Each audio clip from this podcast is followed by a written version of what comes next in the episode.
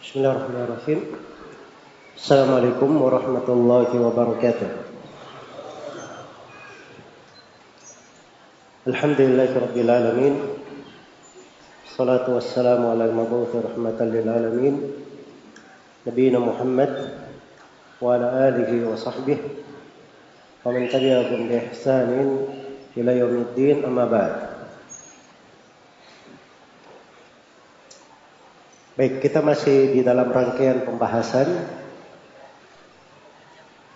syubhat-syubhat orang-orang yang mengatakan ada bid'ah hasanah.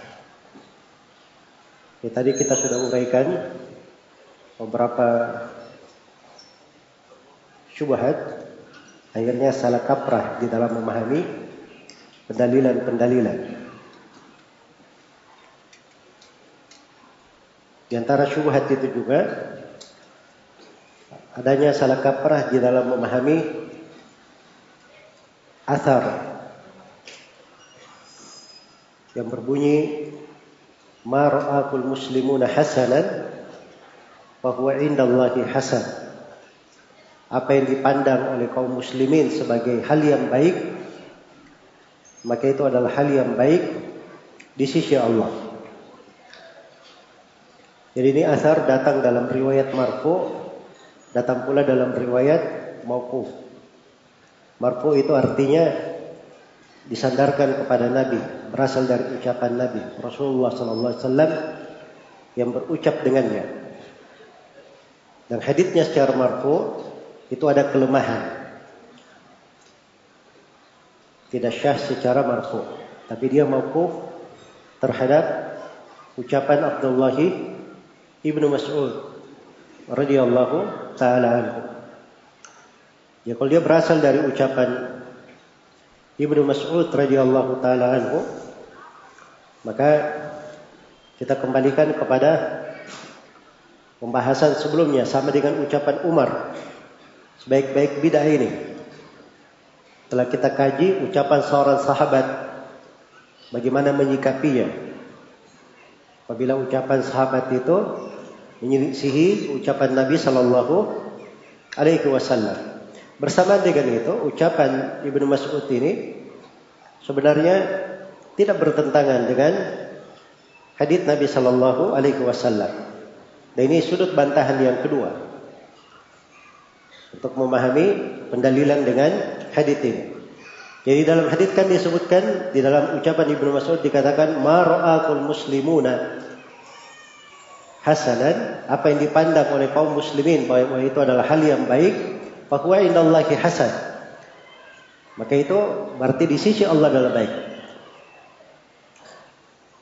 Harus kita tanyakan apa yang dipandang oleh kaum muslimin. Siapakah kaum muslimin yang dimaksud? Ini di masanya siapa? Ibnu Mas'ud. Ya kalau Ibnu Mas'ud berkata apa yang dipandang oleh kaum muslimin, berarti yang dia inginkan adalah siapa? para sahabat Rasulullah Sallallahu Alaihi Wasallam. Dan itu memang benar. Jadi kalau ada sesuatu yang dipandang oleh para sahabat Rasulullah Sallallahu Alaihi Wasallam itu baik, itu artinya para sahabat bersepakat tentang hal tersebut. Dan ucapan sahabat hujjah. Di dalam hal itu berdasarkan firman Allah Subhanahu wa taala di surah An-Nisa, "Wa may yushakkikir rasula min ba'di ma tabayyana lahu al-huda wa yattabi' ghayra sabilil mu'minin nuwallihi ma tawalla wa nuslihi jahannam wa sa'at masira." Barang siapa yang durhaka kepada Rasul setelah tampak jelas bagi yang petunjuk dan dia tidak mengikuti jalan kaum mukminin, ini jalannya para sahabat. Jadi dua yang diancam, orang yang durhaka kepada Rasul dan orang yang tidak mengikuti jalannya kaum mukminin. Apa ancamannya? Nuwallihi matawalla, kami akan biarkan dia larut di dalam kesesatannya, wa nuslihi jahannam dan kami akan memasukkannya ke dalam neraka jahannam. Wasaat masira. Itu adalah sejelek-jelek tempat kembali. Ini dalil tentang hujahnya sebuah kesepakatan. Apalagi kalau kesepakatan itu berasal dari para sahabat Rasulullah Sallallahu alaihi wasallam. Iya. Ya kalau yang dimaksud dengan kesepakatan para sahabat, itu sudah tidak ada masalah. Apa yang datang dari sebagian sahabat saja, sebagian sahabat ini melakukannya. Tapi tidak diketahui ada sahabat yang lain menyelisihinya. Itu juga diterima. Dan itu metode pendalilan dipakai oleh Imam Ahmad rahimahullah taala, Imam Syafi'i. Iya. Nah itu Imam Ahmad di dalam masalah mengusap di atas kos kaki pada saat beruduk. Kan yang ada dalil tegasnya itu dari hadis itu cuma mengusap khuf, mengusap na'al. Adapun al-jawrat kos kaki itu tidak ada dalil tegas di situ. Secara nas tentang hal itu. Yang ada dalil-dalil umum saja. Imam Ahmad berkata di dalam hal ini ada pendapat delapan orang sahabat. Beliau berdalilkan dengan delapan orang sahabat yang memfatwakan dan tidak ada yang menyelisihi mereka. Baik. Jadi itu bentuk pendalilan diterima. Jadi kalau seperti itu berarti ini bukan masalah bidah. Bidah itu tidak ada sudut pendalilannya. Tidak ada sudut apa? Pendalilannya. Baik. Iya. Kemudian kalau dikatakan juga mar'akul muslimun, apa yang dipandang oleh kaum muslimin. Muslimin anggaplah muslim semuanya yang lain selain sahabat. Maka itu di pembahasan ijma juga kesepakatan. Ijma ulama. Selain sahabat kalau mereka ijma itu juga diterima. Karena Nabi Shallallahu Alaihi Wasallam bersabda, "La tajtami'u ummati ala dhalalah."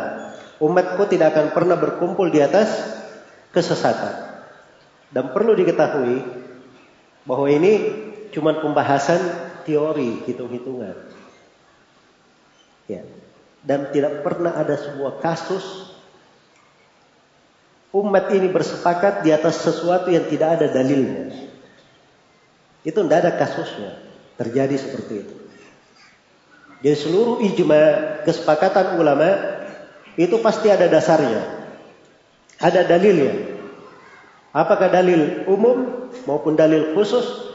Dalil yang menunjukkan makna secara langsung atau makna secara tidak langsung di kandungan secara apa namanya uh, tersurat maupun tersirat itu pasti ada pendalilan. Ada pendalilan-pendalilan di atas kesepakatan para ulama tersebut. Baik. Iya. Kemudian di sudut yang lainnya juga heran juga ya. Ada yang berdalilkan dengan ucapan Ibnu Mas'ud ini. Ini kan Ibnu Mas'ud ya. Ya pakai oh Ibnu Mas'ud berucap seperti ini. Berarti bid'ah hasan itu ada.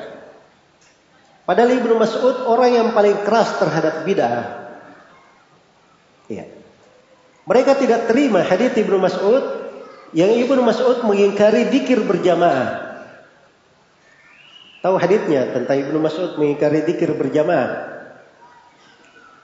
Ketika ada orang kumpul-kumpul di masjid, nah ini tercatat di dalam sejarah bid'ah amalia yang pertama terjadi di tengah umat Islam. Ada sekelompok orang kumpul-kumpul di masjid beberapa halaqah. Setiap halaqah ada yang pimpin. Pemimpin berkata, wahai kaum, bertasbih seratus kali. Sama-sama bertasbih, subhanallah, subhanallah, subhanallah. Wahai kaum, tahmid seratus kali. Begitu. Maka Ibnu Mas'ud ketika melihat hal tersebut, langsung beliau mengingkarinya. Beliau berkata, kalian di atas dua kemungkinan. Perbuatan kalian ini, mungkin kalian menyangka di atas petunjuk lebih baik daripada petunjuk Nabi Shallallahu Alaihi Wasallam dan para sahabatnya. Sebab Nabi dan para sahabat tidak ada yang pernah buat seperti yang kalian buat ini. Ya, mereka tentunya tidak berani berkata lebih bagus daripada siapa? Daripada Nabi Shallallahu Alaihi Wasallam. Maka kemungkinan yang kedua, kalian sekarang sedang membuka pintu kesesatan. Sudah membuka pintu kesesatan. Nah, ini hadis Ibnu Mas'ud ini mereka tidak terima. Dan sebagian manusia di masa sekarang ini ada yang membuat keraguan, oh itu hadisnya lemah, hadisnya dhaif. Iya. Yang dhaif itu cara berpikirnya, bukan hadisnya. Baik, ini kata Anda, ini pembahasan kita ringkas ya. Itu perlu sebenarnya diterangkan dari sudut pembahasan ilmu hadis supaya tidak sembarang orang, tidak setiap orang itu sembarangan berucap asal melemahkan saya. Baik, Jadi, kalau dia tidak setuju hadis dhaif. Tidak setuju hadis dhaif. Iya. Walaupun di sahih Bukhari, sahih Muslim. Tidak setuju bisa saja dhaif hadisnya. Tapi hebat juga kalau ada bid'ahnya dicarikan dalil Walaupun hadisnya palsu, sahih juga. Tidak ada asal usulnya sahih juga. Bahkan kadang ada yang dusta. Wah ini hadis diriwayatkan oleh Imam Muslim. Masya Allah, di mana Imam Muslim? Kita baca semua kitab sahih Muslim. Wah itu kan Muslim, maksudnya Muslim dari kaum Muslimin. Bukan Imam Muslim, tapi Muslim dari apa? Dari kaum Muslimin. Iya. Baik itu perbuatannya sebagian manusia seperti itu. Nah, inilah dasar-dasar kenapa ada orang-orang yang membela pemikiran-pemikiran keliru, akhirnya mengambil hal-hal yang sangat tidak lumrah seperti itu sampai berdusta, berucap tanpa ilmu dan sebagainya. Baik syubhat yang lain.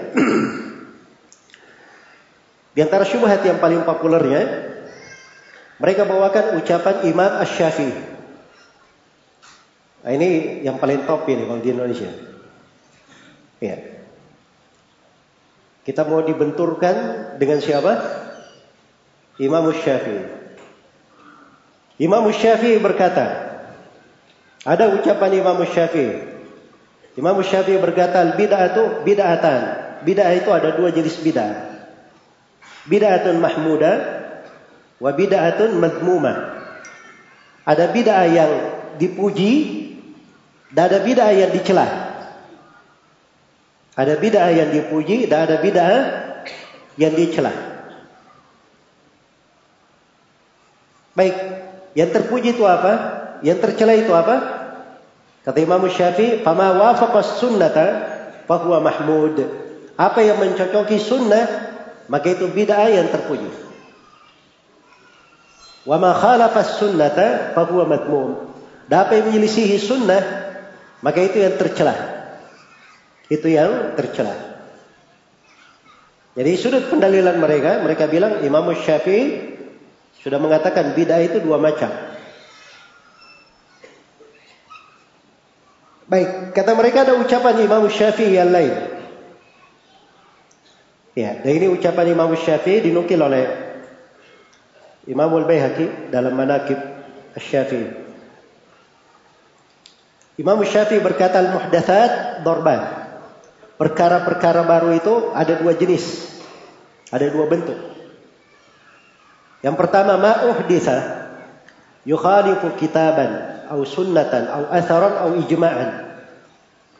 Fahadhihi bid'atu dhalalah. Fahadhihi bid'atu ad-dhalalah.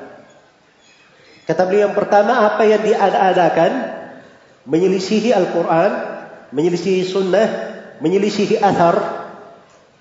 Athar ini maksudnya apa yang datang dari sahabat dan para aimatus salaf. Dapat menyelisihi kesepakatan. Apa yang menyelisihi kesepakatan. Maka ini bid'ah yang sesat. Kata Syafi'i. Ini yang kita sudah sampaikan di awal ya, di definisi bid'ah. Tentang bid'ah yang sesat menurut Asy-Syafi'i ini definisinya. Terus kata Asy-Syafi'i, "Wa ma uhditsa minal khairi la yukhalifu syai'an min dalika, fa hadhihi muhdatsatun ghairu madmumah."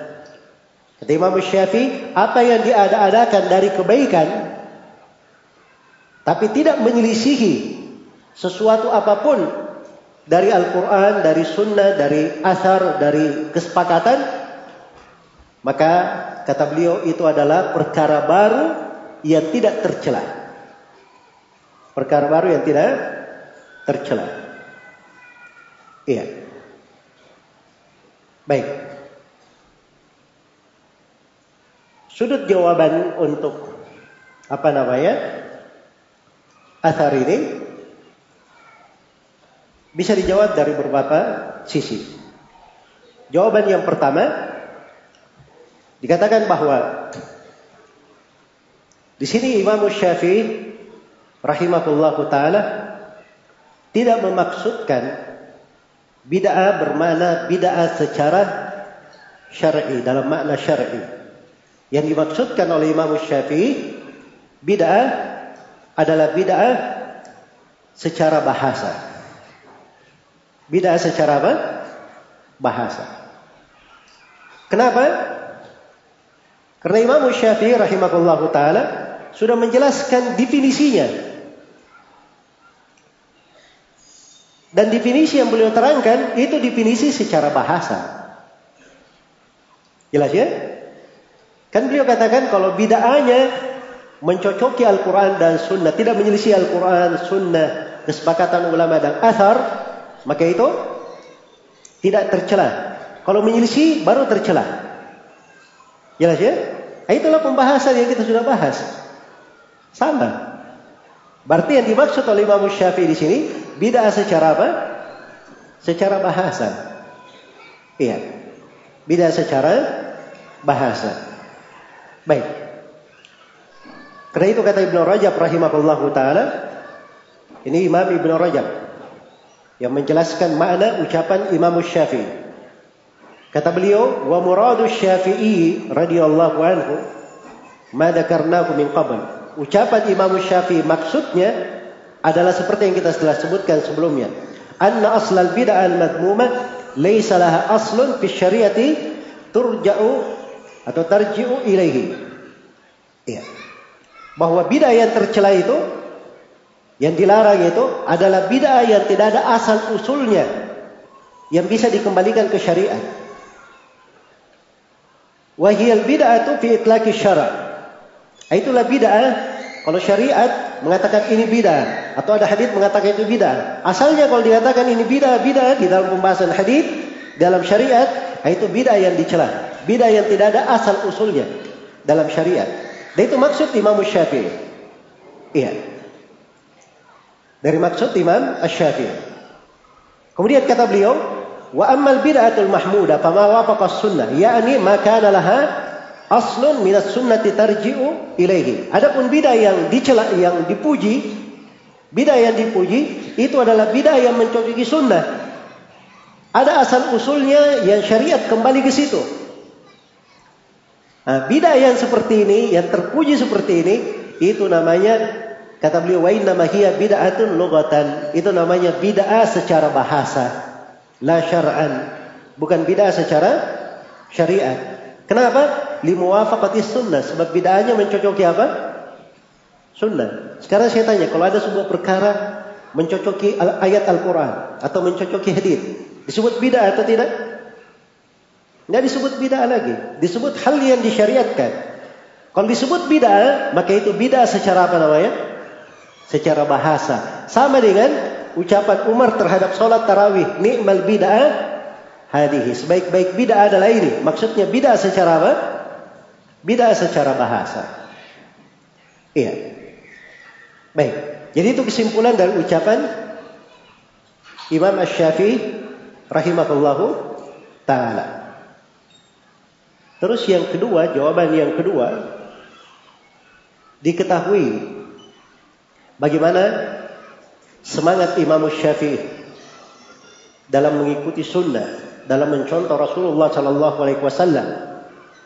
Iya dan dimaklumi bagaimana kerasnya Imam Syafi'i dan kemarahan beliau kalau ada yang menyelisihi sunnah Rasulullah sallallahu alaihi wasallam sampai suatu hari Imam Syafi'i ditanya tentang sebuah masalah maka Imam Syafi'i berkata masalah ini ada hadis dari Nabi begini dan begini maka orang itu bertanya Ya Abu Abdullah, kunyah Imam Syafi'i. Apakah engkau berpendapat dengan hadis itu? Maka Imam Syafi'i rahimahullah taala gemetar. Marah sekali dengan ucapan tersebut. Kata beliau, "Ya hada, wahai kamu, ayu ardin tuqilluni wa ayu sama'in tudilluni." Wahai kamu, bumi mana yang akan menampung saya? Langit mana yang akan menuduhi saya? Idza rawaitu an Rasulillah sallallahu alaihi wasallam haditsan falam aqul bih. Kalau saya meriwayatkan sebuah hadis dari Nabi, lalu saya tidak ambil hadis itu. Mana anak bumi akan saya pijak, langit yang akan menuduhi saya. Maksudnya saya akan binasa kalau saya tidak ambil hadis tersebut. Kata beliau, "Na'am ala sami wal basar." Ya sudah pasti kalau ada hadis saya riwayatkan dari Nabi, pasti saya ambil hadis itu. Ya. Saya simpan di atas kepala saya, saya junjung tinggi. Ini ucapan Imam Syafi'i rahimahullah keteguhan beliau. Iya keteguhan beliau berpegang dengan sunnah dan Nabi sallallahu dan beliau juga Imam Syafi'i rahimahullah taala berkata ya jika sahal hadis wa huwa madhhabi. Kalau ada hadis yang sudah sahih maka itu adalah madhabku iya.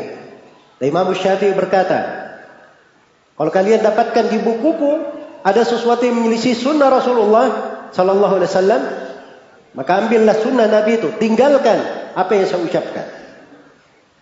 Dan Imam Syafi'i juga berkata, Qatala Syah, sebuah hadis dari para ulama ahli hadis dan menyelisih pendapat saya, maka persaksikanlah saya rujuk dari pendapat itu. Di saat saya masih hidup, walaupun saya saya sudah meninggal. Ya. Ini dari keteguhan Imam Syafi'i rahimahullah taala berpegang dengan dengan sunnah. Jelas ya? Kemudian sudut yang ke berapa sekarang? Yang ketiga. Imam Syafi'i dari amalan beliau sendiri, beliau mengingkari banyak dari bidah-bidah. Tidak ada Imam Syafi'i berkata, oh itu nggak apa-apa itu, itu bidah hasan. Itu tidak pernah ada di dalam praktek ucapan beliau.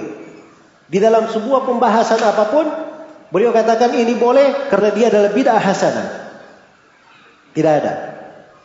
Datangkan satu dalil pun tentang itu dari Imam Syafi'i tidak ada. Yang ada orang-orang yang berdalilkan dengan ucapan Imam Syafi'i ini itu melanggar ucapan Imam Syafi'i. Saya mau tanya, orang-orang yang mengatakan bidah hasanah, ada yang membolehkan musik? Hah? Saya tanya ada yang membolehkan musik atau tidak? Bukan tidak ada lagi, jagoannya membolehkan musik. Dia bawakan semua syubhat untuk itu. Ya. Jelas ya? Bahkan sebagainya lagi, oh itu musik nggak apa-apa itu kan. Kalau dia memang kegemarannya musik ya kita masuk dengan cara seperti itu supaya setahap demi setahap kita ajak dia dapat hidayah. Masya Allah. Dapat hidayah dengan cara bermaksiat. Itu tidak ada di dalam sejarah Nabi itu mengajak para sahabat masuk dapat hidayah dengan cara apa? Cara bermaksiat.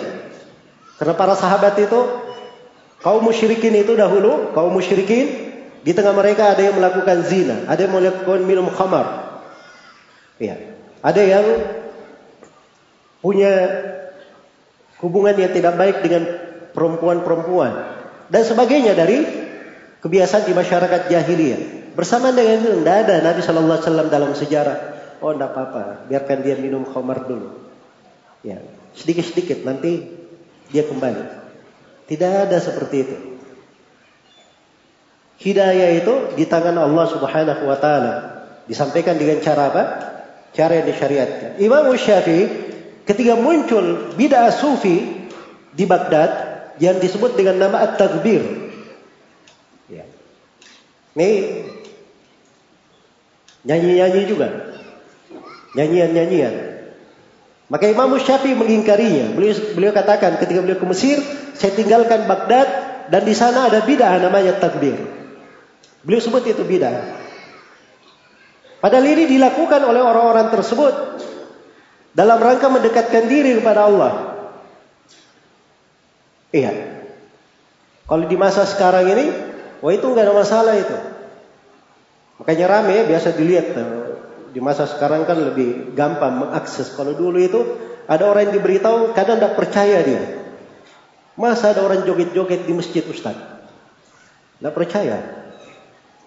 Ya.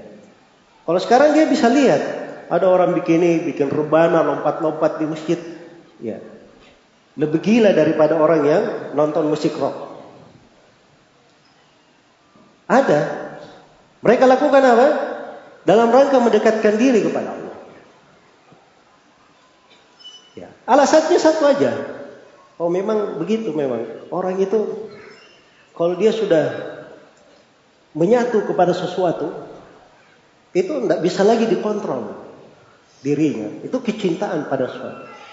Ya. Oh itu gila namanya, sudah tidak waras. Iya mereka senang kalau dibilang tidak waras senang. Karena mereka punya hadith dhaif ya. Tahu hadith dhaifnya? Udkurullah hatta yuqal innaka majnun. Berzikirlah kepada Allah sampai kamu dikatakan seperti orang gila. Nah itu hadith dhaif mereka. Hadithnya itu dari riwayat Darraj dari Abu Haytham dari Abu Said Al-Khudri. Darraj ini dhaiful hadith.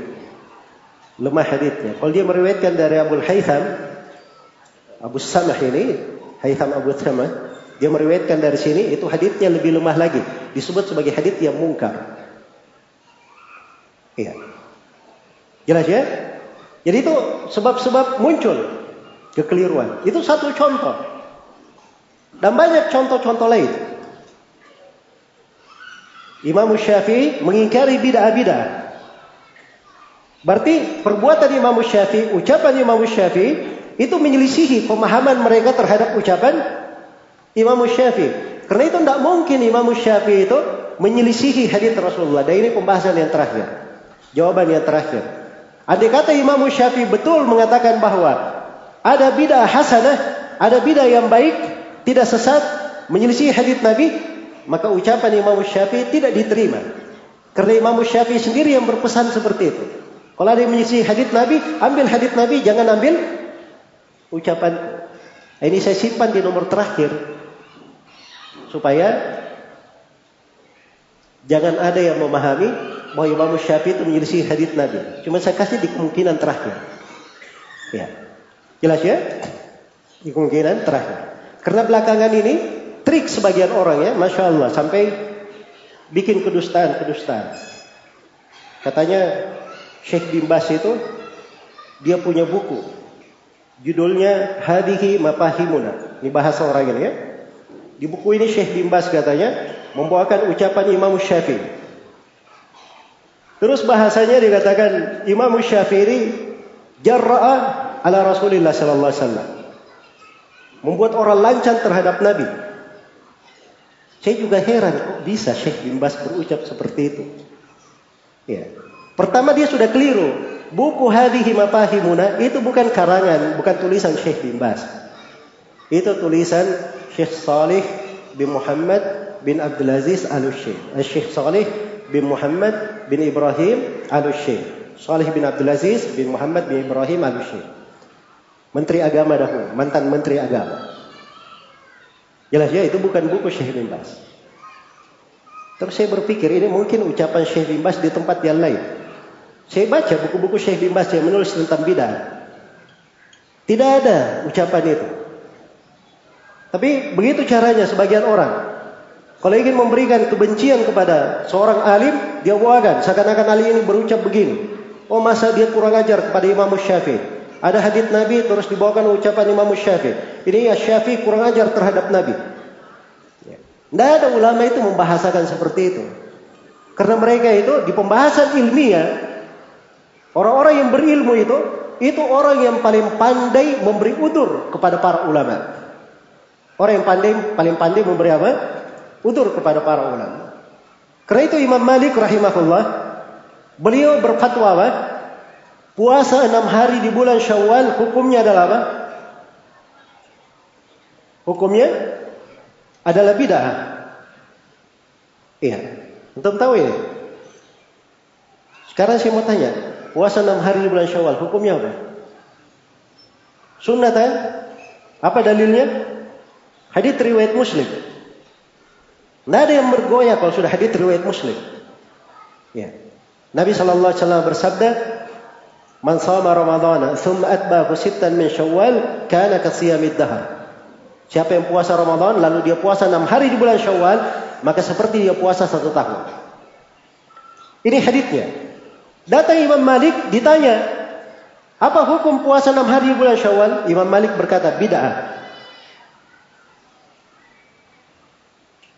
Oh Imam Malik ini keterlaluan menyelisih hadis Rasulullah sallallahu alaihi wasallam. Tidak ada seorang ulama pun yang berucap seperti itu. Sampai ahli hadis dari kalangan Malikiyah Ibnu Abdul Bar itu berkata bahwa hadis tentang sunnahnya puasa enam hari bulan Syawal itu belum sampai kepada Imam Malik. Belum sampai kepada siapa? Kepada Imam Malik. Imam Malik itu lebih dahulu dari Imam Muslim. Dua tingkatan di atasnya. Dua tabakat di atasnya. Jadi kalau hadisnya belum sampai kepada Imam Malik itu wajar. Nah, nah seperti sekarang ini hadis itu dari segala penjuru sudah terkumpul di mana-mana dengan jasa para ulama hadis. Tapi kalau di masa dahulu orang ingin dapat hadis dia harus berkeliling ke seluruh negeri. Dia harus habiskan umurnya puluhan tahun mencari hadis. Itu di masa dahulu. Makanya ada kadang sebagian hadis tidak sampai kepada Imam Malik, tidak sampai kepada Imam Syafi'i, tidak sampai kepada Imam Ahmad. Ketika hadisnya tidak sampai, mereka memberi fatwa apa? Bid'ah. Nah, ini sesuai dengan kaidah. Perkara dia ada-adakan baru tidak ada tuntunannya dari Nabi, tidak ada dalilnya, bid'ah. Sesuai kaidah. Jadi tidak ada yang menyalahkan Imam Malik berkata bid'ah.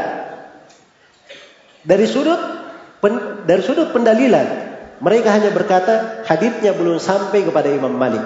Andai kata hadisnya sampai kepada Imam Malik akan berubah hukumnya. Akan berubah hukumnya. Karena itu di dalam hukum membaca bismillah ketika akan wudhu. Kita kita mau berwudhu sebelum berwudhu baca apa? Bismillah. Itu ada nukilan lima pendapat dari Imam Malik. Pernah beliau berpendapat bid'ah. Pernah beliau berpendapat makruh. Pernah beliau berpendapat apa namanya? disunahkan. Malah pernah beliau berpendapat diwajibkan. Imam Malik. Dan itu tidak ada dari seorang ulama pun yang berkata, oh ini Imam Malik ini pelin-pelan ini. Masa banyak pendapat. Nah di situlah ketelitian. Jadi orang itu semakin dia belajar, itu semakin dia tahu. Ini Imam Malik kalau dia berpendapat wajib dari sudut mana dia mewajibkan. Jadi dulu ketika beliau berpendapat bid'ah, mungkin waktu itu belum sampai sama sekali riwayat kepada beliau. Ya. Ketika beliau berkata makruh, itu mungkin ada sudut-sudut tertentu yang menyebabkan beliau hanya menghukumi makruh saja. Atau mungkin karaha yang beliau beringinkan, karaha bermakna pengharaman, tapi dengan bahasa makruh. Nah, begitu sampai kepadanya riwayat, memang riwayatnya itu ada dua kemungkinan. Mungkin bermana wajib karena dasarnya datang dalam bentuk perintah pada sebagian riwayat. Nah, perintah bermana wajib. Tapi begitu dikompromikan dengan ayat tentang kewajiban wudhu, ternyata di ayat tentang wudhu hanya disebutkan lima kewajiban saja. Sebagian ulama memandangnya ada enam. Mencuci muka, mencuci tangan, mengusap kepala, mencuci kaki, berurut, dan sebagainya menambah muala yang disebut dalam ayat. Berarti yang tidak disebut di ayat itu tidak sampai kepada hukum wajib, harus menjadi sunnah. Itu bentuk kompromi. Itu hitungan fikih namanya. Jadi jangan sembarangan main salah-salahkan saja. Jelas ya? Jadi maksudnya di sini para ulama itu itu orang yang paling pandai memberi udur. Paling pandai memberi udur kalau misalnya ada yang keliru dalam ucapannya atau ucapannya mengandung kemungkinan-kemungkinan. Tapi kalau datang sebagian orang dia tidak setuju dengan ulama lain, wah ini Syekh bin Basir, masa narasi bicaranya itu mengadu domba? Ya. Imam Syafi'i kurang ajar terhadap Rasulullah. Rasulullah berkata, "Kullu bid'atin dhalalah," dia membagi bid'ah menjadi dua. Tidak ada yang berucap seperti itu di dalam mengarahkan ucapan Imam Syafi'i. Karena itu saya letakkan poin yang keempat bahwa dia kata mana ucapan Imam Syafi'i ada bidah hasanah maka ucapan Imam Syafi'i tidak boleh diterima. Karena hadis-hadis Nabi Sallallahu Alaihi Wasallam tegas menunjukkan seluruh bidah adalah? Adalah sesat. Baik syubhat yang ke saya sudah nggak ingat yang berapa ini. Kelima yang keenam. Yang kelima. Yang keenam. Baik yang keenam ucapan Al-Iz bin Abdus Salam rahimahullah. Al-Iz bin Abdus Salam ini salah seorang ulama Syafi'i yang populer. Iya. Beliau dulu digelari dengan gelar Sultanul Ulama. Sultan Al-Ulama yang berucap seperti Imam Syafi'i dari murid-muridnya seperti misalnya Al-Qarafi atau yang datang setelahnya seperti Imam Nawawi itu mirip seperti ini. Mirip. Jadi kita tidak terlalu banyak menyinggung tentang hal tersebut. Kita singgung saja ucapan Ali bin Abdul Salam. Boleh katakan bahwa bidah itu itu terbagi menjadi lima. Iya. Dan ini ada ucapan beliau di buku beliau Qawaidul Ahkam. Beliau katakan wahiyya muqasimatun bidah itu terbagi menjadi bidah wajib, ada bidah yang wajib. Ada bidah yang wajib. Terus wa bid'atin muharram, ada bidah yang haram. Wa bid'atin manduba, ada bidah yang sunnah. Wa bid'atin makruha, ada bidah yang makruh. Wa bid'atin mubah. Dan ada bid'ah yang apa? Mubah, boleh. Iya. Kemudian kata beliau, "Wa tariqu fi ma'rifati dzalika na'ridul bid'ah ala qawaid syariah." Dan jalan mengenal bid'ah ini terbagi lima. Bid'ah itu harus diukur dengan standar kaidah-kaidah syariah. Harus diukur dengan standar kaidah-kaidah apa? syariat. Faida dakhalat fi qawaidil ijab fahiya wajibah. Kalau masuk di dalam kaidah kewajiban, maka menjadilah dia wajib. Wa idza wa in dakhalat fi qawaidit tahrim fahuwa muharrama. Fahiya muharrama. Kalau misalnya dia masuk di dalam kaidah pengharaman, maka dia menjadi haram. Wa in dakhalat fi qawaidil mandub fahiya manduba. Kalau masuk di dalam kaidah anjuran, maka dia menjadi sunnah. Wa in dakhalat fi qawaidil mubah fahiya mubah. Kalau dia masuk di dalam kaidah pembolehan, maka dia hukumnya mubah. Hukumnya mubah.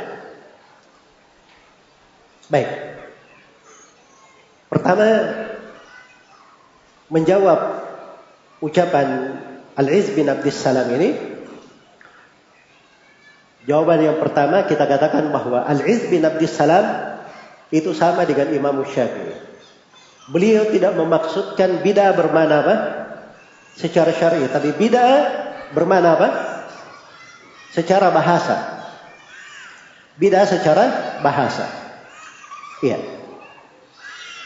Kenapa bid'ah secara bahasa? Karena ketika beliau bagi bid'ah menjadi lima, ternyata bagaimana mengukur lima itu? Harus di atas kaidah-kaidah syariat. Berarti ada dalilnya. Kan begitu? Nah, berarti dia tidak inginkan bidah secara syar'i yang tidak ada dalilnya. Bidah sesat yang tidak ada dalilnya. Bukan itu yang dia inginkan. Dan sebenarnya lebih jelas lagi ketika memberi contoh. Kan dibagi menjadi lima. Apa contoh-contohnya? Dia kasih contoh misalnya. Dari bidah yang wajib. Ya. Contohnya mempelajari ilmu nahwu. Diberi contoh dengan mempelajari ilmu apa? Ilmu nahwu. Ya, ilmu nahwu ada di masa Nabi atau tidak? Tidak ada. Kan begitu. Berarti bid'ah, tapi ini bid'ah wajib katanya. Karena ini dipakai untuk memahami firman Allah dan sabda Rasulullah sallallahu alaihi wasallam. Ini kewajiban terhadap orang tertentu ya yang memang dia itu harus mempelajari Al-Quran dan Sunnah. Maka dia wajib mempelajari kaidah-kaidah ilmu nahwu. Ya. Jadi contohnya ini sebenarnya bid'ah atau bukan? Pelajari ilmu nahwu itu. Bukan bid'ah. Pelajari ilmu bahasa Arab itu dengan lisan bahasa Arab, berbahasa dengan baik. Itu ada di dalam Al-Quran dan Sunnah. Dasar-dasarnya ada. Ya, memang kaidah-kaidah ilmu nahwu itu baru diletakkan setelahnya. Baru diletakkan setelahnya. Kalau dulu orang Arab itu dia itu tidak bisa keliru. Ya. Kalau dikatakan misalnya Ja'a Zaidun. Ada Arabi. Ja'a Zaidun. Terus dites Arabi ini. Arabi coba kamu bilang Ja'a Zaidin. Itu ucapnya akan beku. Tidak bisa berucap dia.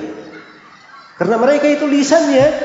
Itu tidak bisa terbiasa di atas kesalahan. Ucapan mereka. Jelas ya? Baik. Itu ada kisah ya di disebut di pembahasan ilmu nahwu. Kisah antara Imamul Kisai dan Sibawai. Ya. Ketika Sibawai eh, ditanya tentang ibarat bahwa apa namanya uh, bahwa kalau kejengking itu itu lebih katanya saya menyangka sengatan kala jengking itu lebih berbisa daripada sengatan tawon. Ya. Terus dikatakan faidahia hu.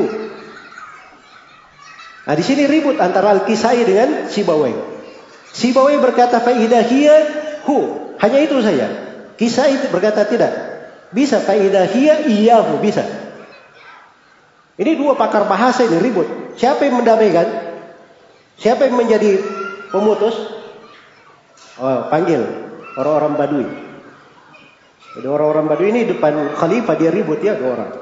Itu orang Badui di luar sana. Nah, rupanya katanya orang Badui ini ada kecenderungan kepada siapa? Kepada Al-Kisai.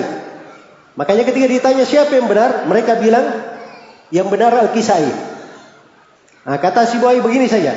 Coba kamu Arabi, ucapkan itu. Faidah huwa iya. Dia tidak bisa berucap. Dia hanya bilang yang benar Kisai. Karena lisannya itu tidak mungkin salah kalau dia ucap. Dia pasti akan bilang faidahiyahu. Pasti. Dia nggak bisa bilang faidahiyahu. Iya. Jelas ya? Baik. Jadi itu ada dulu orang seperti itu. Ya jadi mempelajari ilmu nahwu itu memang ada pembahasannya. Ketika sudah dipastikan ya harokat-harokat itu maka para ulama menyusun buku-buku. Nah, itulah ilmu nahwu yang kita pelajari sekarang ini. Kalau dahulu mereka mau tahu bahasa yang benar itu bagaimana, dia pergi kampung-kampung. Tanya kepada Arabi. Iya. Tanya kepada Arabi. Dia dengar cara mereka membahasakannya bagaimana. Cara mereka membahasakannya bagaimana. Baik, jadi sini Imam Al-Is bin Abdul Salam memberi contoh bidah yang wajib mempelajari ilmu nahwu. Baik, bidah yang uh, bidah yang disunnahkan apa contohnya? Contohnya sholat tarawih. Contohnya membangun sekolah-sekolah. Ya. Jelas ya? Itu bidah yang apa? Disunnahkan. Jadi sebenarnya ini, kalau kita masuk di pembahasan, Al-Is bin Abdul Salam itu sama dengan Imam Syafi'i. Dia tidak memaksudkan bidah secara apa? Secara syar'i yang dia maksudkan bidah secara secara bahasa. Tapi bersamaan dengan itu, ucapan Al-Iz bin Abdul Salam ini membagi itu tidak ada pendahulunya. Tidak ada seorang ulama pun yang mendahulunya. Karena itu Imam Ash-Shatibi tegas di dalam hal ini. Beliau katakan hadat taksim amrun mukhtara. Pembagian menjadi lima ini perkara baru. La yadul alaihi dalilun syar'i. Tidak ada dalil syar'i yang menunjukkan tentang hal ini. Iya, ini kalau dihitung dari bidah secara hakiki. Baik. Kemudian yang kemudian berikutnya dari sudut bantahan yang ketiga. Perbuatan Al-Iz bin Abdis Salam sendiri itu milisi kaidahnya. Andai kata kaidahnya bidah terbagi lima benaran. Bidah yang sesat itu terbagi lima. Ada yang wajib, ada yang sunnah, ada yang mubah, ada yang uh, makruh, ada yang haram. Andai kata memang seperti itu, bidah secara syar'i terbagi lima. Itu tidak mungkin perbuatan Al-Iz bin Abdis Salam menyelisihi. Ternyata Al-Iz bin Abdis Salam, beliau itu orang yang sangat keras pengingkarannya terhadap bidah-bidah. Iya. Bahkan beliau sangat tegas sekali mengingkari orang-orang yang berbuat bid'ah tersebut. Ya. Karena itu Alis bin Abdul Salam ditanya tentang salaman. Berjabat tangan selepas sholat subuh dan sholat asar. Jadi salam-salaman Selepas sholat subuh dan sholat apa? Sholat asar. Apa jawaban Alis bin Abdis Salam? Kata beliau, Al-musafahatu. Uqbas subhi wal asri minal bidah. Salam-salaman atau bersalaman. Selepas sholat subuh dan sholat asar itu terhitung bidah. Illa liqadib. Kecuali kalau orang baru datang. Dia tidak pernah berjumpa sebelumnya baru datang. Nah, bertepatan waktu sholat. Dia salami setelah itu. Karena dia baru datang. Nah, itu tidak ada masalah. Dia salaman bukan karena sholatnya. Karena dia apa? Baru datang. Karena dia baru datang. Baik. Jadi ini ucapan Ali bin Abdis Salam. Rahimahullahu ta'ala. Ya. Demikian pula mengangkat tangan.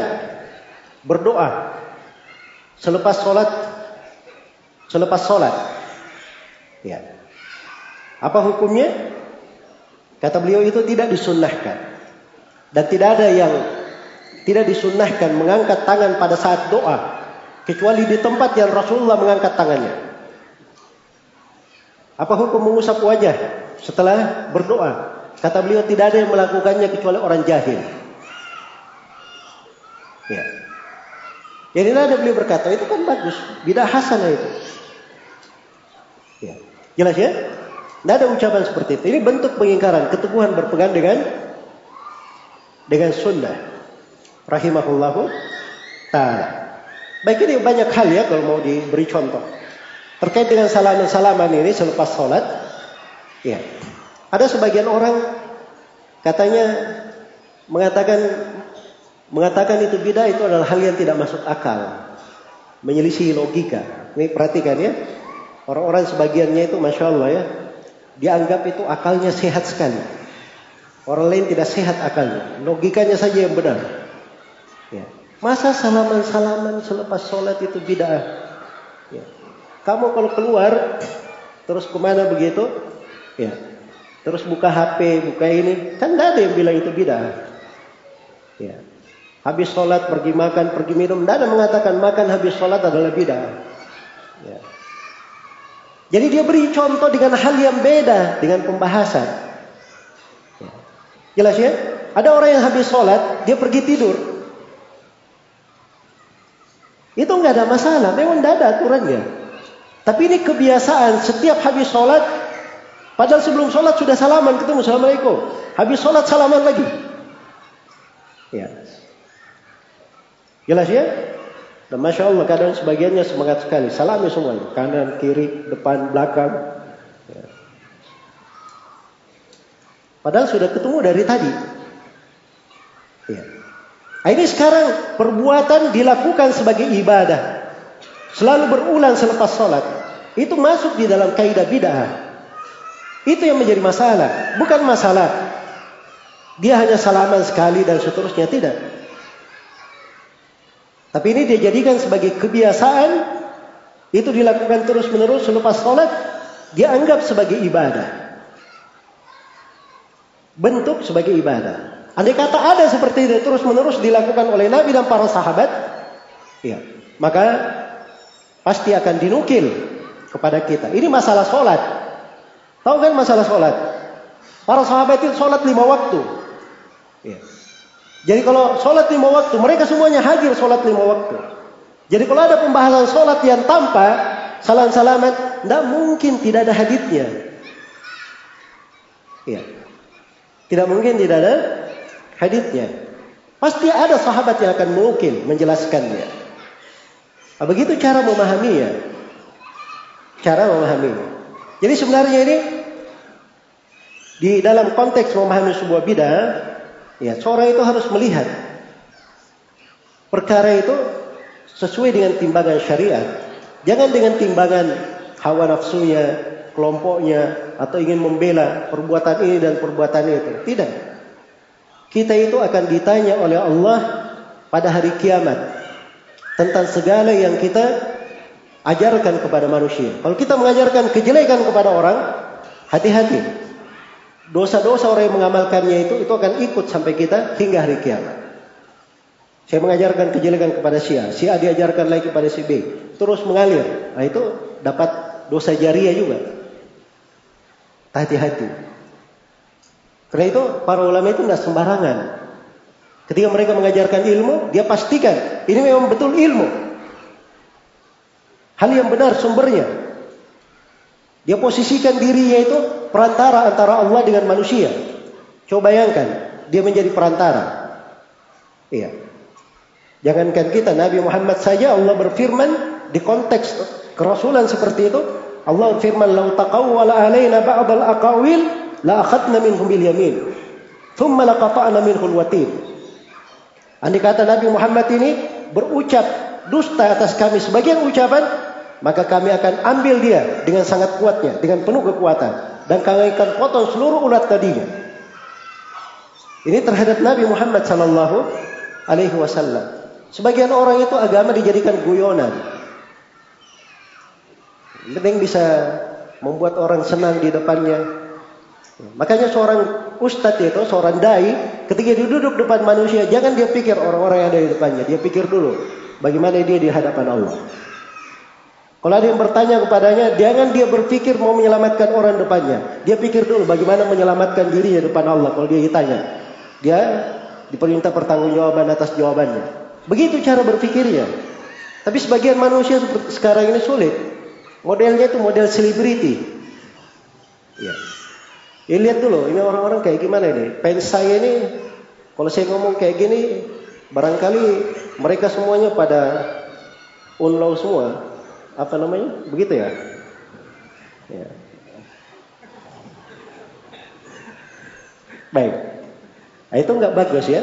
Nah, cara berpikir itu harus diperbaiki. Itu cara beragama. Dan yang terakhir yang kata ucapan Alis bin Abdissalam rahimahullah taala ini memang maknanya beliau bagi bidah menjadi lima, bidah syar'i dia bagi menjadi lima, nah, itu tidak diterima dari beliau. Itu menyelisih hadis Nabi Shallallahu Alaihi Wasallam. Baik. Jadi kalau ingin kita beri contoh tentang Alis bin Abdissalam banyak ya ucapan-ucapan beliau yang bagaimana menunjukkan keteguhan beliau di dalam membela sunnah mengingkari bidah-bidah. Makanya beliau itu digelari sebagai sultanul ulama, pemerintahnya para ulama. Karena beliau tegas di dalam banyak hal.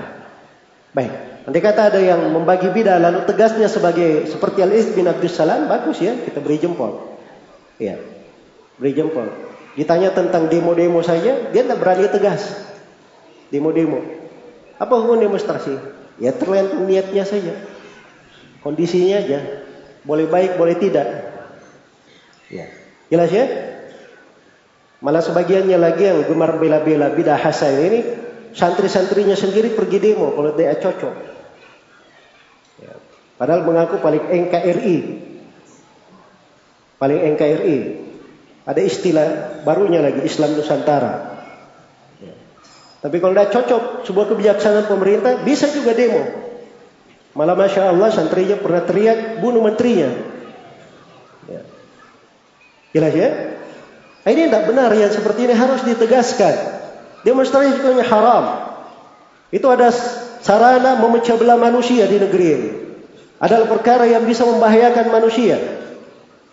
Itu harus diterangkan oleh seorang dai. Tidak ada di situ di ditawar tawar menawar boleh tidak boleh tidak boleh ikut, boleh tidak ikut. Oh dilihat demo itu hukumnya bagaimana Ustaz? Ya tergantung kondisinya, dilihat dulu. Itu keliru ya di dalam memahami. Baik.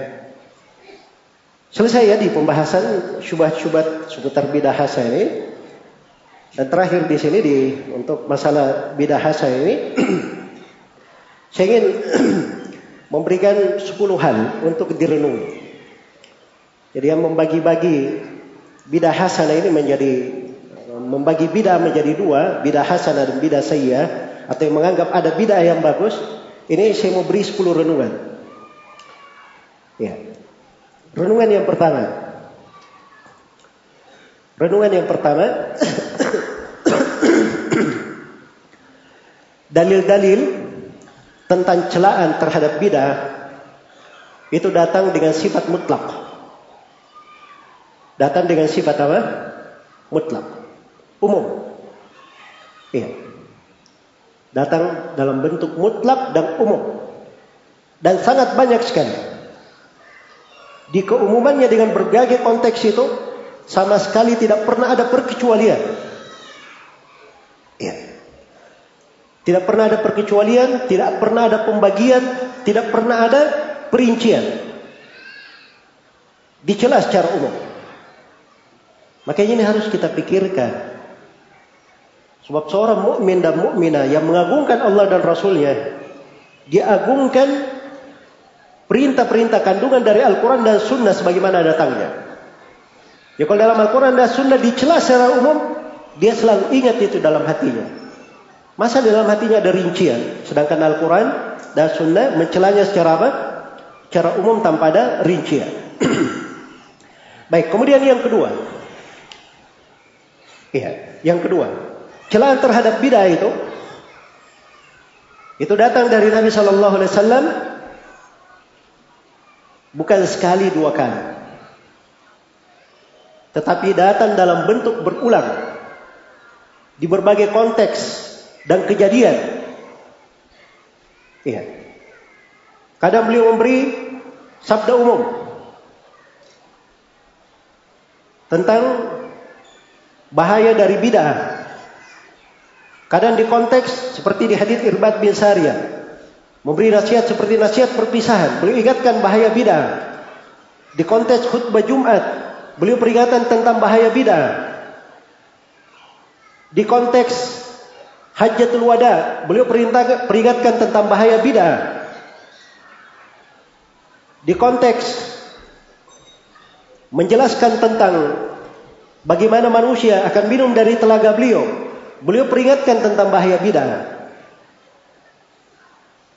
Di konteks menerangkan bahaya dosa, maka beliau terangkan bahwa bid'ah itu bisa dapat laknat dari Allah, dari para malaikat dan seluruh manusia.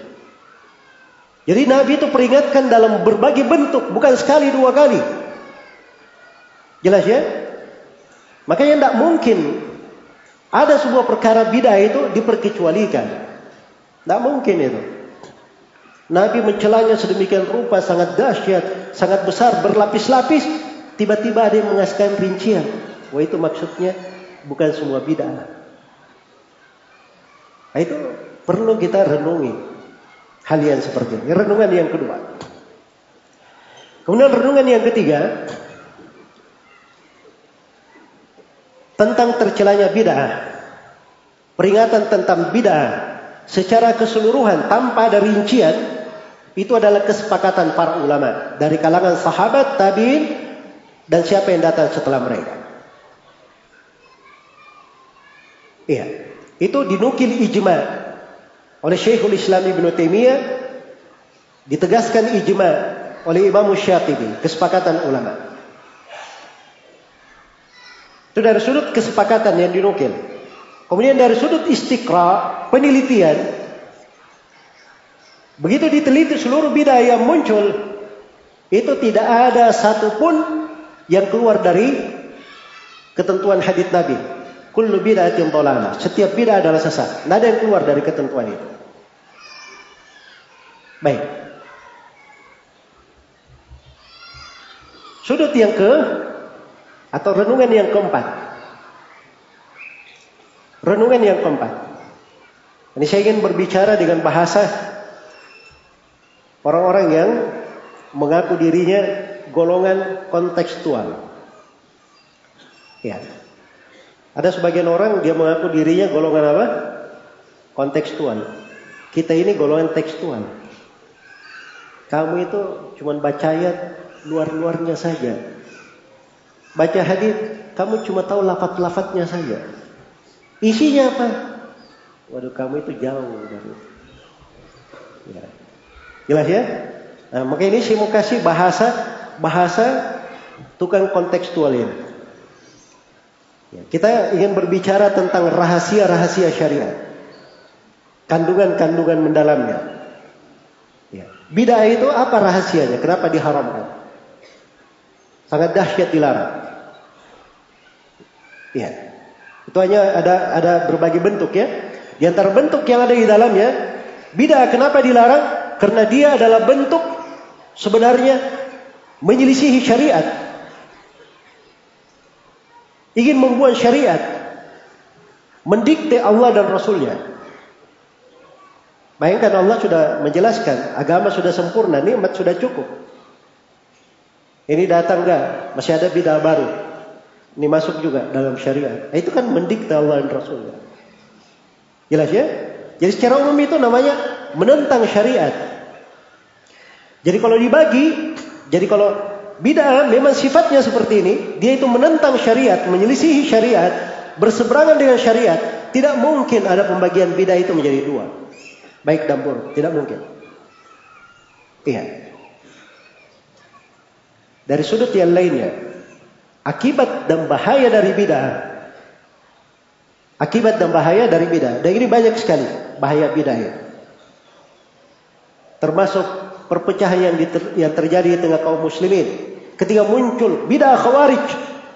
Betapa banyak darah yang tertumpah. Ya. Dan betapa banyak kehormatan yang dilanggar. Tidak mungkin bid'ah ini masalah yang digampangkan. Dikasih rincian. Tidak mungkin. Makanya bid'ah ini dari sudut pengaruhnya. Apa yang muncul di belakang bid'ah-bid'ah ini sangat berbahaya bagi manusia. Makanya kalau kita renungi dengan seksama tidak ada kata yang cocok dalam bid'ah itu kecuali semuanya adalah hal yang diharamkan. Baik. Kemudian renungan yang kelima.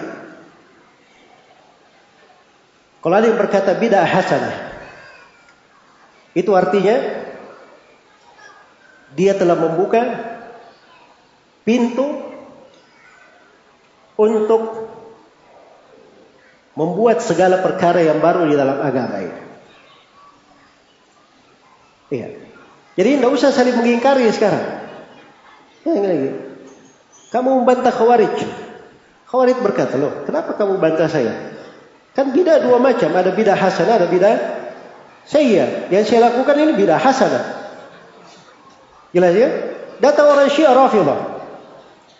Dibantah. Oh jangan bantah saya. Bidah kan terbagi dua. Ada bisa hasanah, ada bidah apa? Saya semuanya akan berucap seperti itu. Akhirnya ini namanya membuka tikaman terhadap agama. Itu perlu kita renungi. Renungan yang kenal. Dan ini terkait dengan orang yang mengatakan bidah hasanah. Kita mau tanya kepada mereka, apa ukuran bidah hasanah? Tolong beri definisinya, batasan-batasannya. Ya, bagaimana cara kita menetapkan sesuatu itu ini bidah hasanah, ini bukan bidah hasanah. Tolong beri kaidahnya. Iya. Jelas ya? Dan ini mereka tidak akan mampu mendatangkan sebuah keterangan apa pun yang terkait dengan hal ini. Dan mereka dalam prakteknya berbeda-beda. Tidak ada aturannya. Dan itu sudah cukup. Harusnya kita berpikir, tidak mungkin itu bagian dari agama. Semua ilmu agama ini terang, jelas, teratur. Ingin berdalil, ada kaidahnya. Menetapkan sesuatu, ada ketentuannya. Nah sembarang seorang berbicara. Sekarang kalian bilang ada bidah hasanah. Baik, apa ukurannya? Bagaimana ketentuannya? Bagaimana definisi lengkapnya? Beri definisi. Ya. Nah, ini dari hal-hal yang hendaknya direnungi oleh seorang. Baik. Kemudian renungan yang ke-7. Bidah itu artinya apa? Mau tanya, bidah itu artinya apa? Menambah atau mengurangi? Menambah. Berarti kalau boleh menambah, boleh juga mengurangi. Kan begitu? Ya. Ada yang tidak sholat lima waktu. Diingkari. Loh kenapa kamu ingkari saya? Kamu tidak sholat, mengurangi dari syariat. Ya kamu kan menambah. Ya. Sama saja, saya mengurangi, kamu menambah. Tidak usah kita saling ribut. Akan terjadi nanti hal yang seperti itu. Dan ini perkara yang batil. Karena itu agama itu sudah tetap. Ketentuannya, dasar-dasarnya sudah jelas semuanya. Tidak perlu ada tambahan dan tidak akan berkurang. Iya. Baik. Kemudian renungan yang ke-8. Ini juga renungan kontekstual ya. Yang ke-8. Baik, sekarang begini saja. kan di dalam syariat ada bidah hasanah. Gak apa-apa, oke saya setuju. Ya. Ini antum bilang ada bidah hasanah, ada bidah hasanah, sana bilang tidak ada. Ini kita sudah ribut semenjak dahulu. Dengan banyaknya bidah ini banyak perpecahan. Saya mengajak Anda semua yang berkata ada bidah hasanah, ayo kita bikin bidah hasanah juga. Nama bidah hasanah ini kita menolak semua jenis bidah supaya tidak terjadi perbedaan pendapat. Supaya tidak ada ribut-ribut di tengah kita. Kan bidah hasanah namanya. Iya kan? Dan itu lebih jelas manfaatnya. Lebih terang daripada kita ribut terus. Antum bilang ada bidah hasanah. Kalau saya setujui, saya tanya apa ukuran bidah hasanah, kalian tidak bisa jawab. Tidak ada ukurannya. Akhirnya pasti kita ribut terus. Kalau begitu kita buat bidah hasanah, namanya kita jangan berbuat bidah sama sekali. Ya. Nah, itu akan lebih apa? akan lebih bagus.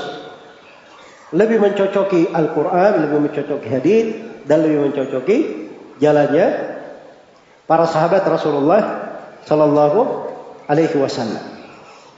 Baik. Ya. Kemudian renungan yang kesembilan. Renungan yang kesembilan, kalau orang berucap ada bidah hasanah, bidah yang baik, itu artinya dia nanti akan mengajak untuk merubah agama dan merusak agama. Iya. Merusak agama. Ada yang sholat duhur, sholat asar, lima rakaat. Loh kenapa kamu ingkari saya? Saya tambah satu rakaat. Kan sholat itu bagus. Ya. Masa saya diingkari gara-gara saya sholat? Kamu sholatnya empat rakaat kurang semangat. Saya mau lebih semangat. Saya lima rakaat. Akhirnya dia rusak agama ini. Jelas ya? Karena dia tidak ada ukuran menjelaskan bidah hasan itu kayak bagaimana. Iya. Baik. Jadi ini penjelasan tentang renungan bagaimana kita berpikir yang sebaiknya. Jadi kalau dibahas ini, ya di, dibiarkan ucapan ada bidah hasanah itu pasti akan merubah agama, merusak agama merusak agama. Dan yang terakhir, dan ini renungan yang paling indah menurut saya. Yang terakhir, saya mau bertanya, siapa manusia yang paling perahmat? Manusia yang paling perahmat? Rasulullah Shallallahu Alaihi Wasallam. Siapa manusia yang paling menasihati umatnya? Rasulullah Shallallahu Alaihi Wasallam. Siapa manusia yang paling pasih menjelaskan agama? Rasulullah Sallallahu Alaihi Wasallam. Siapa manusia yang sangat tidak ingin melihat perpecahan di tengah umatnya? Rasulullah Sallallahu Alaihi Wasallam. Andai kata bidah hasan itu ada, pasti Nabi sudah jelaskan. Itu dari kesempurnaan rahmat. Masa Nabi tidak menerangkan sehingga ribut umatnya? Itu tidak mungkin. Ada di dalam hal tersebut. Itu bertentangan dengan sifat-sifat Rasulullah Sallallahu Alaihi Wasallam. Baik, saya beri ya dari bahasa 10 renungan supaya bisa kita pahami tentang hal tersebut. Baik, sebelum saya masuk kepada salah kaprah yang lain, saya ingin simpulkan dulu ya. Ini dari pembahasan kita ini sebenarnya sudah berlalu kaidah-kaidah bagus, pijakan-pijakan dasar bagaimana menghukumi sesuatu itu bid'ah atau bukan. Iya. Ini kaidah-kaidah diperlukan ya. Jadi yang pertama, jadi saya simpulkan dari apa yang sudah berlalu, ya. Kita bisa memetik beberapa kaidah saya atur secara berurut. Yang pertama syariat ini itu datang mencela terjadinya bidah, memperingatkan bahaya bidah dan melarang dari. Iya. Jadi itu ciri dari syariat Islam. Ciri dari seliat isyrak. Mencela terjadinya apa? Bidah. Itu ambil kaidah di dalam beragama.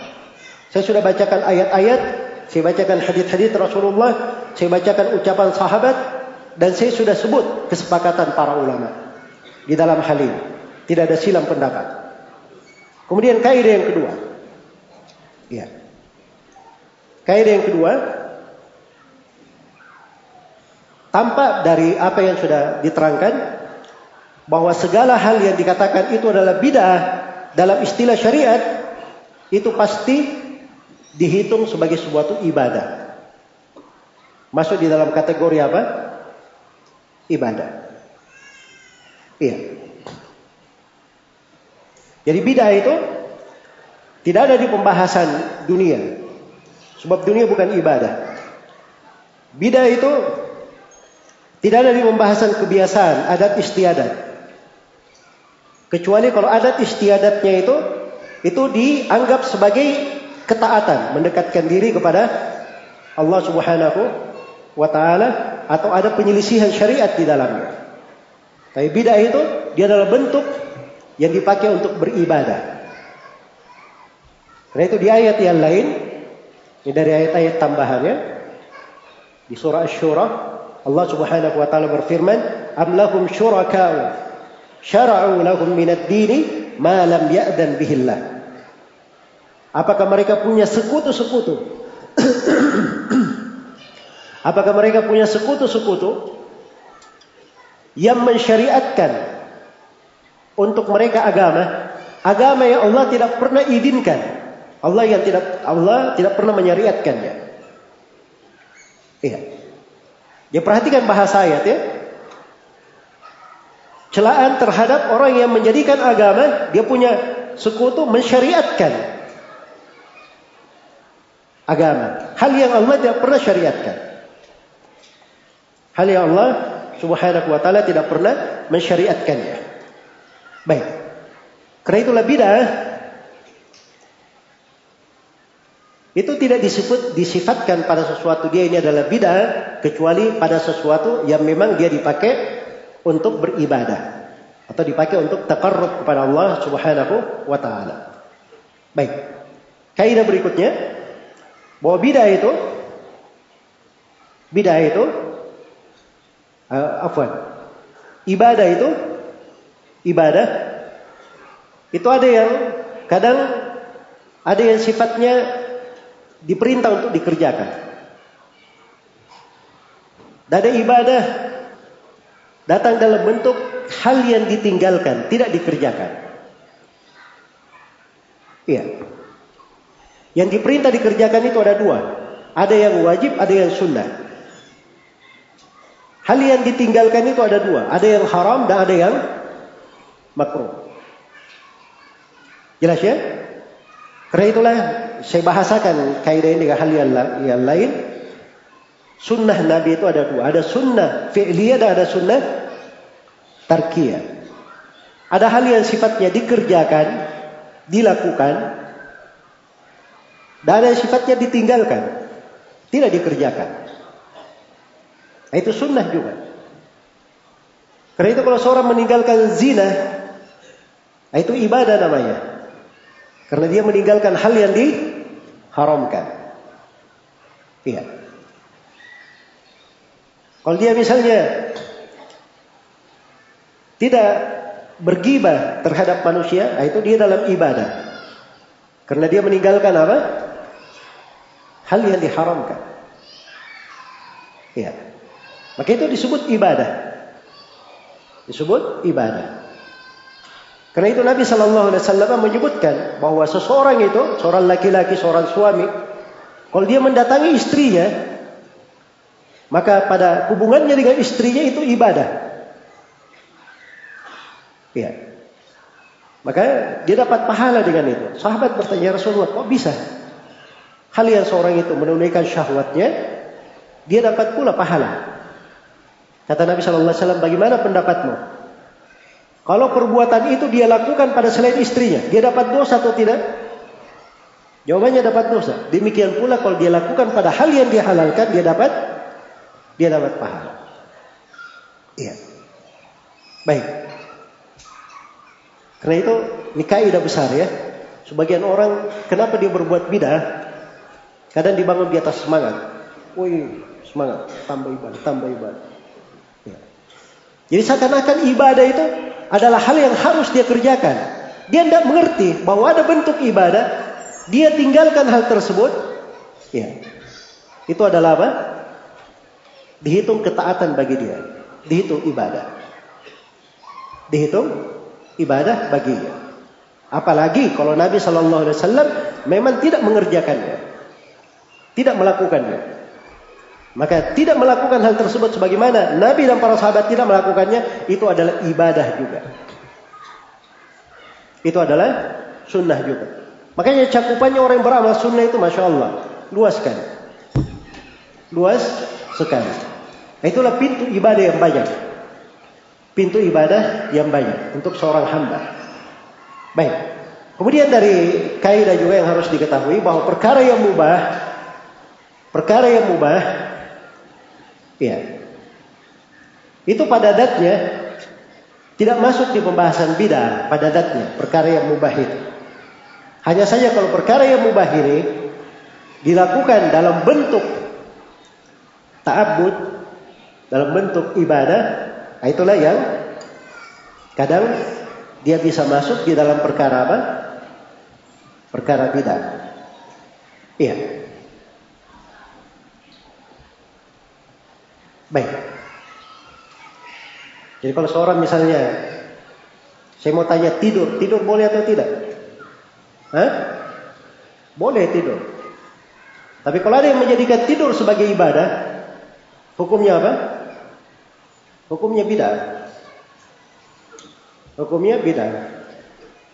Karena itu jangan yang berkata ya, oh bagaimana di bulan Ramadan? Kan ada hadis. Naumus shaim ibadah. Tidurnya orang yang berpuasa adalah ibadah. Pertama itu hadisnya lemah. Dilemahkan oleh ahli Iraqi dan selainnya. Jelas ya? Terus yang kedua dia perkara mubah.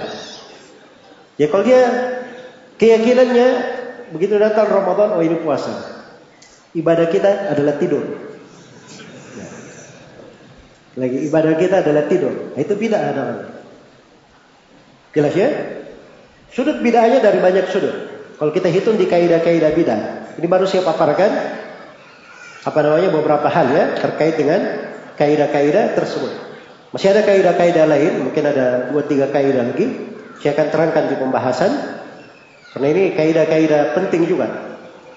Dan masih ada syubhat-syubhat besar yang mungkin saya akan bahas nanti di sesi terakhir setelah sholat asar nanti. Ya. Terkait dengan masalah ibadah itu tidak mesti tauqifiyah. Tidak mesti terbatas pada dalil. Boleh seorang bikin ibadah tidak ada dalilnya. Ya. Karena katanya Bilal dia sholat sunnah dua rakaat wudhu. Pengumpulan mushaf dan sebagainya itu syubhat-syubhat banyak ya. Mungkin saya akan terangkan sekitar 10 syubhat mereka di situ. Ya supaya ini masalah kita selesaikan. Ini termasuk hal yang paling banyak disebarkan di masa belakangan ini. Dan insya Allah kita akan sambung nanti. Tapi e, dari kaidah juga sebelumnya masih ada beberapa menit. Dari kaidah juga sudah diterangkan bahwa seluruh bid'ah itu pasti haram. Seluruh bid'ah pasti adalah apa? Haram. Kita sudah sebutkan dalil-dalil tentang hal tersebut. Kemudian dari kaidah yang tetap juga tidak ada bid'ah, semua bid'ah adalah sesat. Semua bid'ah adalah sesat dan tidak ada di dalam agama apa yang disebut dengan nama bid'ah hasanah. Tidak ada dalam agama apa yang disebut dengan nama bid'ah hasanah. Iya. Dan itu sudah kita terangkan semuanya pendalilannya dari Al-Quran, dari Sunnah, kesepakatan para ulama, ucapan sahabat juga telah kita terangkan syubhat-syubhat di dalam hal tersebut dan kekeliruan-kekeliruan Orang-orang yang menganggap ada bidah hasanah. Dan kekeliruan di dalam memahami ucapan-ucapan para ulama tentang hal tersebut. Baik, eh, kita jeda dulu untuk masuk sholat asar. Kita sambung nanti insyaallah taala di sesi yang terakhir setelah sholat asar. Subhanakallahumma wa bihamdik asyhadu an la ilaha illa anta astaghfiruka wa atubu ilaik walhamdulillahi السلام عليكم ورحمة الله وبركاته.